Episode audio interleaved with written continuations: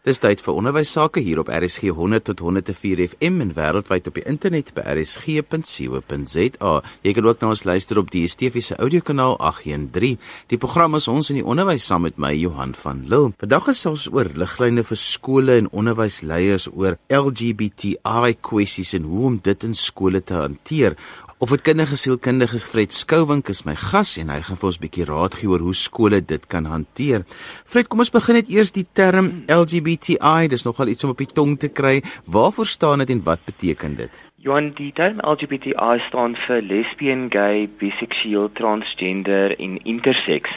So dit is nogal 'n redelike kompleks en omvattende uh, term maar dit reflekteer dan ook die diversiteit rondom seksualiteit en en gender. Nou Fred, hoekom is dit belangrik dat onderwysleiers moet kennis neem van LGBTI kwessies en en is dit relevant? Want dit is tog met hoërskoolleerders wat ons sê nou maar werk. Ja. Ek dink dit is hoërskoolleerders maar ook ehm um, kinders in laerskole en ek sal vir jou sê hoekom ek dit sê. Ehm um, ek dink skole help om waardes en geloofstelsels van toekomstige volwassenes te skep en te vorm en hoe ons oor diversiteit dink. En uh, dit is belangrik dat ons dit 'n prioriteit maak om 'n klimaat in skole te skep wat insluitend is vir elke kind, maar ook vir personeellede en vir diverse families uh, wat kan veilig voel. Jy weet alhoewel ons kwessies soos ras en geloof en taal begin aanspreek in skole, worstel ons as 'n samelewing nog steeds oor seksuele en genderdiversiteit binne skole. En ehm um, inteendeel die die onderwerp word meestal vermy. Ehm um, ten spyte van ons progressiewe grondwet en ander wetgewing wat spesifiek die regte van seksuele en genderminderhede beskerm, is daar min aktiewe toepassing van dit. So ons sien dus dat homofobie uh, sowel as diskriminasie teen hierdie minderhede nog sterk voorkom in klaskamers, op die speelgrond, in die kurrikulum en op die sportveld. Nou in Suid-Afrika is dit so 'n uitdaging om polities korrek te praat en korrekte mm. terme te gebruik, maar in hierdie gemeenskappe waarin ons is en alle gemeenskappe waarin ons is, word hierdie kinders so gemarginaliseer dat dit dat mense vir elke volwassene wat jy vra, het 'n storie wat hulle kan vertel hoe dat teen hulle gediskrimineer is op skool. Ja. Gebeur dit nog steeds so want ek praat nou van jare terug versus nou. Ja, Weet jy Johan, daar was 'n studie gedoen nou onlangs en uh dit is gepubliseer deur um Out LGBT. Um dit was die Love Not Hate veldtog en hulle het met uh volwassenes gepraat om te kyk wat was hulle ervaring op skool gewees. En 56% van hierdie mense het gesê dat hulle was gediskrimineer teen en net om vir 'n bietjie statistiek te gee rondom dit. So 55% het genoem dat hulle verbaal aangerand is, 18% fisiese aanranding, daar's 35% wat genoem het dat daar was dreigemente van geweld teen hulle en ek dink dan 'n baie skokkende statistiek dat 1 uit 10 het genoem dat daar was 'n vorm van verkrachting of selfs seksuele mishandeling. So ek dink die prentjie is baie duidelik dat uh homofobie is nog steeds ehm um, teenwoordig in skole en dit is iets wat ons baie dringend aan moet aandag gee en nie net van 'n wetlike perspektief nie maar ek dink van 'n etiese perspektief om hierdie gender en seksuele minderhede te beskerm want dit het natuurlik ook 'n groot impak op hulle geestesgesondheid en latere ontwikkeling. Nou as mens na die afkorting kyk LGBTI, dan is die eerste paar letters baie voor die hand liggend en mense verstaan dit, maar soos die letters nou by hierdie afkorting bykom, raak dit vir mense al hoe meer grys areas. Ge gee ja. ons net so 'n bietjie meer agtergrond dat dat onderwysleiers kan verstaan wat beteken elkeen van hierdie letters. Ja, so ek dink ehm um, dis nogal vir my interessant ehm um, die terminologie wat ons het nê nee, dat ehm um, die woord gender as jy hom direk uh, oorskakel na Afrikaans beteken geslag wat impliseer biologiese geslag. Ehm um, maar eintlik is gender baie meer omvattend en dis waar daai laaste letters inkom. As ons byvoorbeeld kyk na ehm um, jy weet die biologiese geslag. Ek wil net daarop fokus vir 'n sekonde. Ehm um, ons is geneig om te dink dat uh jy weet biologiese geslag dat daar's net een van twee nee, jy's of man of vrou. Maar ehm um, dit is baie meer divers as dit en baie babas word interseks gebore. Uh en ons sien dit staan in die media, daar's baie nou tans oor Caster Semenya en kwessies rondom om haar uh, genderidentiteit en biologiese geslag. Uh en hierdie is nogal baie ingewikkeld vir skole want jy weet hoe definieer ons manlik en vroulik. So die interseks het te doen met biologiese diversiteit En dan is daar iets wat baie meer aandag nou geniet tans in die media en dis die hele kwessie van genderidentiteit. Ehm um, jou genderidentiteit is alreeds gevorm teen die ouderdom van 3 jaar. Jy het 'n intrinsieke of 'n innerlike gevoel of jy meer manlik of vroulik is teen die ouderdom van 3. Ehm um, en wanneer jou biologiese geslag ooreenstem met jou genderidentiteit, is wat ons sielkundiges noem jy cisgender. Maar vir sommige kinders is hierdie innerlike genderidentiteit verskillend van hulle biologiese geslag en dis wat ons noem transgender. Dit het nie noodwendig te doen met seksuele oriëntasie nie. Dit ontwikkel baie later aan, maar jou genderidentiteit is alreeds baie vroeg um, gevorm. Die navorsing wys baie duidelik dat daar 'n sterk genetiese fondasie onder dit So dit is nie slegte ouerskap uh of enigiets in daai um opsig nie, maar uh baie meer 'n genetiese biologiese oorsprong tot dit. So dit is waar die transgender um ook dan inkom met daai LGBTI. Nou kom ons praat die regheid met onderwysers en met onderwysleiers. Wat is hulle rol om die wêreld vir hierdie kinders net so te maak dat hulle sal floreer? Nie net dat hulle sal oorleef nie, maar dat hulle sal floreer. Ja. Ek dink dit begin deur baie groter bewuswording en uh, opleiding rondom gender en seksuele diversiteit ehm um, deur skoolbestuur en onderwysers. Ehm um, dis die beginpunt want daar's nog geweldig baie uh, wanpersepsies uh, rondom seksualiteit en, en en gender wat nog baie sterk beïnvloed word deur godsdiens, jy weet in 'n baie patriargale ehm um, samelewing. So dit begin by opleiding wat die feite gee En ehm um, ek dink dan is dit ook belangrik dat 'n uh, skoolbestuurliggame ehm um, daadwerklik 'n fokus maak op 'n agenda om oor hierdie dinge te gesels. Vir my dink ek moet jy sekerlik beleidsdokumente in in plek hê wat direk homofobie en diskriminasie van LGBT leerders ehm um, aanspreek en ehm um, daar moet pertinent verwys word na homofobiese afknouery in hulle anti-boelie beleid. So ek dink dit begin op daai vlak um, om dit meer prakties te maak, jy weet wat gebeur in die klaskamer. Ehm um, jy weet ons kyk na ons kurrikulum. Daar was Suid-Afrikaanse studies al reeds gedoen wat wys dat daar is regtig baie baie min blootstelling van gesonde LGBTI uh, rolmodelle binne die kurrikulum en in skoolhandboeke ensovoorts. So ek dink die insluiting van dit is baie belangrik. Ehm um, en dan ook om te kyk na alledaagse dinge wat uh, ons doen en wat ons nie regtig oor verder dink nie as jy dink oor matriekafskeid byvoorbeeld. Uh laat skole toe dat uh LGBTI leerders moontlik 'n uh, 'n maat kan saamvat wat van dieselfde geslag is. Ehm um, kyk na Valentynsdag, jy weet hoe uh, word leerders hier geleentheid gegee wat as LGBTI identifiseer om wel, jy weet, ehm um, byvoorbeeld 'n geskenkie te kan gee aan aan 'n maat van dieselfde geslag.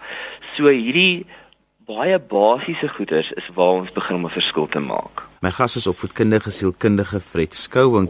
Fred, nou kom ons praat 'n bietjie verder. Wat baie keer ook gebeur is is dat ehm um, dat kinders teenoor mekaar taal gebruik en terminologie gebruik wat wat hulle van wat hulle dink maar omdat hulle van 'n anderste gender is of hulle van 'n anderste seksuele oriëntasie is, hulle maar vir kinders van LGBTI kan toesnou. Mm. En dan baie keer dan sien jy op op YouTube video's waar 'n onderwyser net stil bly, waar 'n onderwyser ja. nie intree nie, want ek dink nie onderwysers weet altyd hoe om dit te doen nie en hulle wil ook nie geassosieer wees daarmee nie. So, ek dink dit is 'n uh, een van die groot dinge wat ons gesien het ook in die navorsing dat hierdie verbale ehm um, jy weet ehm um, as ek kan sê aanraking is 'n uh, is 'n groot probleem uh, vir, vir baie LGBTI leerders. En ehm um, ek dink dit is om die terminologie reg te kry en dit begin om kinders te leer van 'n baie vroeë ouderdom. Uh dat sekere woorde uh net eenvoudig nie uh, okay is om te gebruik nie. Ehm um, jy weet en dat ons die regte terminologie kry. En en dis waar die opvoeding baie belangrik is en waar ons diversiteit ehm um, jy weet rondom gender en seksualiteit bespreek in klasse en hoe om hierdie dinge aan te spreek. Ehm um, so as ons byvoorbeeld dink, jy weet as jy kyk na 'n skoolomgewing die die manier hoe kinders mekaar intimideer veral onder seuns is om te sê jy's 'n moffie of 'n uh, faggot en so aan en daai woord het baie baie sterk betekenis en ehm um, is is nie oukei okay om te gebruik binne 'n skoolkonteks nie. En dit is reg wat jy sê dat jy weet onderwysers moet daadwerklik daai dinge aanspreek en uh jy weet dat daar tog gevolge sal wees as jy daai tipe terminologie sou gebruik binne 'n skool. Want op die einde van die dag moet die onderwyser ook die land se grondwet, die skool of met die land se grondwet dien want alle ander wette word maar van die grondwet af herlei.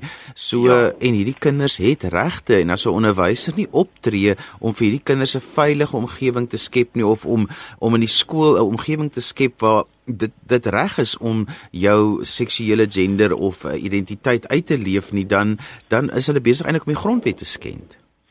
Uh presies dit, jy weet en ehm um, dis juis ons het daai grondwet in plek en daar's 'n paar uh wetgewing uh dokumente wat vir ons sê dat die regte van seksuele en gender minderhede beskerm moet word. Ehm um, jy weet die die probleem is Johan omrede ons LGBT kwessies uh so onsigbaar is in skole neem ons aan dat dit nie bestaan nie. Maar dit is bloot dat LGBT leerders en ehm um, die oordeel en verwerping vir my en uh, en dis stil bly rondom hierdie kwessie. So onderwysers neem dan aan hierdie goeters bestaan nie in my skool nie. Maar die werklikheid is is dat mense bly stil want hulle is bang vir verwerping en en oordeel.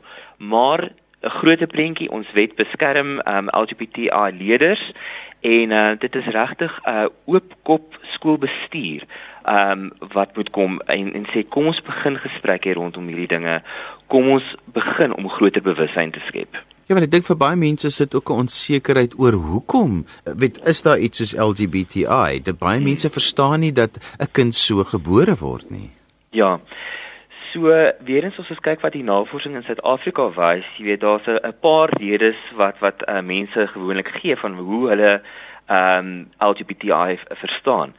So, party mense dink dat dit is 'n lewenstyl en 'n keuse, ander dink dat dit is 'n vorm van psigopatologie Ehm um, sekere mense glo dit is sonde en dit is uh as gevolg van uh swak opvoeding. Maar ehm um, ek dink wêreldwyd en hier in Suid-Afrika uh het die navorsing binne die sielkunde baie duidelik gewys dat nie een van daai goed pas nie. Jy weet, uh dit is nie 'n uh, vorm van patologie of 'n afwyking nie. Dit is 'n vorm van diversiteit. En uh jy weet gevolglik moet ons ons denke verander oor hoe ons hierdie goeters beskryf. Ehm um, ek het vroeër genoem dat daar baie baie sterk navorsing is wat wys dat daar 'n sterk genetiese komponent is. Ehm um, en weer eens, nie 'n abnormale afwyking of enige iets nie. Dit wys nie bloot vir ons die diversiteit van menslike seksualiteit uh en en gender. En ek dink binne dit kan ons uh gender en seksuele diversiteit eintlik ehm um, sien as iets om uh jy weet to to celebrate in om meer bewussin oor dit te skep. Vir iets anders wat ek dink ook op skool aangespreek moet word want ek dink dis 'n bewussyn wat moet gekweek word onder alle gemeenskappe is dat dit is nie verkeerd nie dit dit kan nie gekorrigeer word nie en dat enige stappe wat geneem kan word kan nie iemand se se gender of of of seksuele oriëntasie verander nie want dit voel vir my nog daar's 'n bewussyn dat dit kan verander. Ja. Weet jy Johan, hulle het ehm um, so twee weke terug het SAISA, die Suid-Afrikaanse Sielkundige Vereniging van Suid-Afrika, het riglyne vir sielkundiges ehm um, vrygestel wat juis oor hierdie dinge praat. Jy weet, uh, ons het nie riglyne gehad in sielkunde regtig om te help wanneer jy LGBTI uh eh, kinders en en adolessente gehad het uh, voor jou nie. So die dit is die konsensus is daar dat hierdie uh LGBTI diversiteit is 'n natuurlike uitdrukking van menslike seksualiteit om dit te probeer verander met terapie of enige ander intervensies doen meer skade. En op die einde van die dag, uh, met daai uh, hulle noem dit conversion terapie of reparative therapy, ehm um, dit doen meer skade in sin van dat ehm uh, mense het laer selfbeeld, ehm uh, lei na meer depressie, meer angs, uh en in sekere gevalle self selfmoord. So in binne Suid-Afrika is ons dit in eens dat daai tipe terapie wil ons van wegbly. Dit doen meer skade en is, is sekerlik nie in lyn met uh, internasionale beste standaarde nie. So hoe kry ons die boodskap daar buite dat 'n skoolomgewing sal skep waar hierdie kinders kan trots wees op wie en wat hulle is? Want baie keer is dit die kinders wat dit terughou. Hulle hulle hulle kan hulle daardie deel van hulle lewe nie by die skool uitleef. Die ander mense kan want hulle kan Valentynsdag doen soos hulle wil, maar hierdie hmm. kinders bly choopstil of hulle probeer iets voorhou wat hulle nie werklik is nie. Ja. Dit begin deur onderwysers uh ek dink wat en en in so gesê in die kurrikulum wat ehm um, meer blootstelling vir kinders gee rondom hierdie diversiteit. Ek dink nie dit is vir skole om te wag vir LGBTI leerders om vorentoe te kom nie. Dis eintlik die ander kant om. So hoe meer gesprekke daar is in die klaskamer rondom dit en gesonde uh gesprekke wat uh gebaseer is op 'n uh, ehm um, jy weet siefering van 'n in, uh, inklusiewe uh omgewing en waar ons hierdie goeters uh, maklik oor kan praat en dit kan verstaan as deel van diversiteit. Wanneer kinders aan daai goeders bloot begin stel word, word dit normaal en dit maak dit makliker dan om vir hierdie leerders ook uh, as hulle kies om uit te kom uh om so te doen dan. Ja, want dit bly nog steeds vir my 'n hartseer saak dat 'n kind moet kies om uit te kom, dat hy nie maar net kan wees wat hy wat hy is nie. Ja, En ek dink dit is dit is altyd hartseer wanneer uh, 'n uh, mens dit sien nê, want is ook soos ek vroeër genoem het, jy weet leerders wat blootgestel word aan hierdie diskriminasie is geneig om ehm um, meer uh, te ly aan depressie en so aan. En dit is nie as gevolg van hulle identiteit noodwendig uh wat wat aanleiding gee tot dit nie, maar dit is die omgewing in wat hulle is uh wat uh waar daar diskriminasie is en en soms selfs geweld wat lei tot hierdie uh depressie en angs. So as 'n ek 'n onderwysleier is en ek luister na vandag se program en ek besef dis iets wat in my skool dalk maar net ek moet dit aanspreek of ons moet dalk hier oor gesels. Ons het dit nog nooit regtig aangespreek nie. Ons het dit maar nog net nie ons het so 'n bietjie ontkenning gelewer. Dit het in ons blinde kol gelê. Hoe begin ek dit? Hoe begin ek hierdie tipe gesprekke en wie is die mense wat ek moet inkry wat 'n taakspan of 'n klompie van my onderwysers kan bemagtig om nou weer die boodskap aan die res van die personeel oor te dra? Waar begin ek? Hoe maak ek? Ek dink uh die grootste kwessie wat ons moet aanspreek is uh die homofobie in skole. So daar moet reeds uh beleidsdokumente wees wat hierdie goeters aanspreek. Ehm um, byvoorbeeld uh dat skole moet begin om alternatiewe forme van rapportering van homofobie beskikbaar te maak waar 'n student nie die voorval persoonlik hoef te rapporteer nie, waar tegnologie deur middel van ehm um, apps byvoorbeeld beskikbaar is. So ehm um, baie kan gedoen word om leerders te beskerm alreeds rondom homofobie en die rapportering van dit. Ek dink dis een van die eerste dinge. En dan ehm um, Ek dink altyd aan daai driehoek dat jy werk met jou onderwysers, met jou kinders en dan met jou uh, personeel en en en selfs ouers om hulle in te kry. So daar's baie kundiges in die veld op die oomblik uh wat baie aandag gee rondom um LGBTI kwessies en organisasies wat gekontak kan word. Um waar verdere opleiding kan gedoen word en en so aan. En um ja, ek ek dink op 'n baie praktiese vlak is dit om te sit en te kyk hoe gebalanseerd is my kurrikulum en hoe is my kurrikulum uh, 'n uh, weerkaatsing van diversiteit sodat ons begin om hierdie temas uh in te werk. Jy weet een van die dinge wat ek altyd deur verras is is ons kyk na seksuele opvoeding ehm um, veral in hoërskole is dat daar daar's feitelik niks rondom LGBTI seksopvoeding nie en en dit is nodig om daai goeters te begin uh inwerk sodat ons kurrikulum meer gebalanseerd is en diversiteit uh, weerspieël. Vryheid iets wat ek altyd vir my opval is dat kinders wat homofobiese gedrag openbaar, dit leef baie keer in huise waar daar homofobiese gedrag is. So dit maak dit 'n bietjie meer kompleks vir die onderwysleier want hy werk skielik met 'n kind wat uit 'n bepaalde omgewing uitkom hmm. en sulke ouers is nie altyd mense wat maklik bereikbaar is of of oop is om oor hierdie tipe kwessies te gesels nie, maar hulle is eintlik die wortel waar baie keer hierdie dinge begin. Ja, en uh weer ons ons het gesien in 'n uh, uh, navorsing dat uh jy weet 51% van Suid-Afrikaanse mense glo dat uh LGBTI mense dieselfde regte as ander landsburgers moet hê, maar 55% het gesê dat hulle 'n gay familielid sal aanvaar.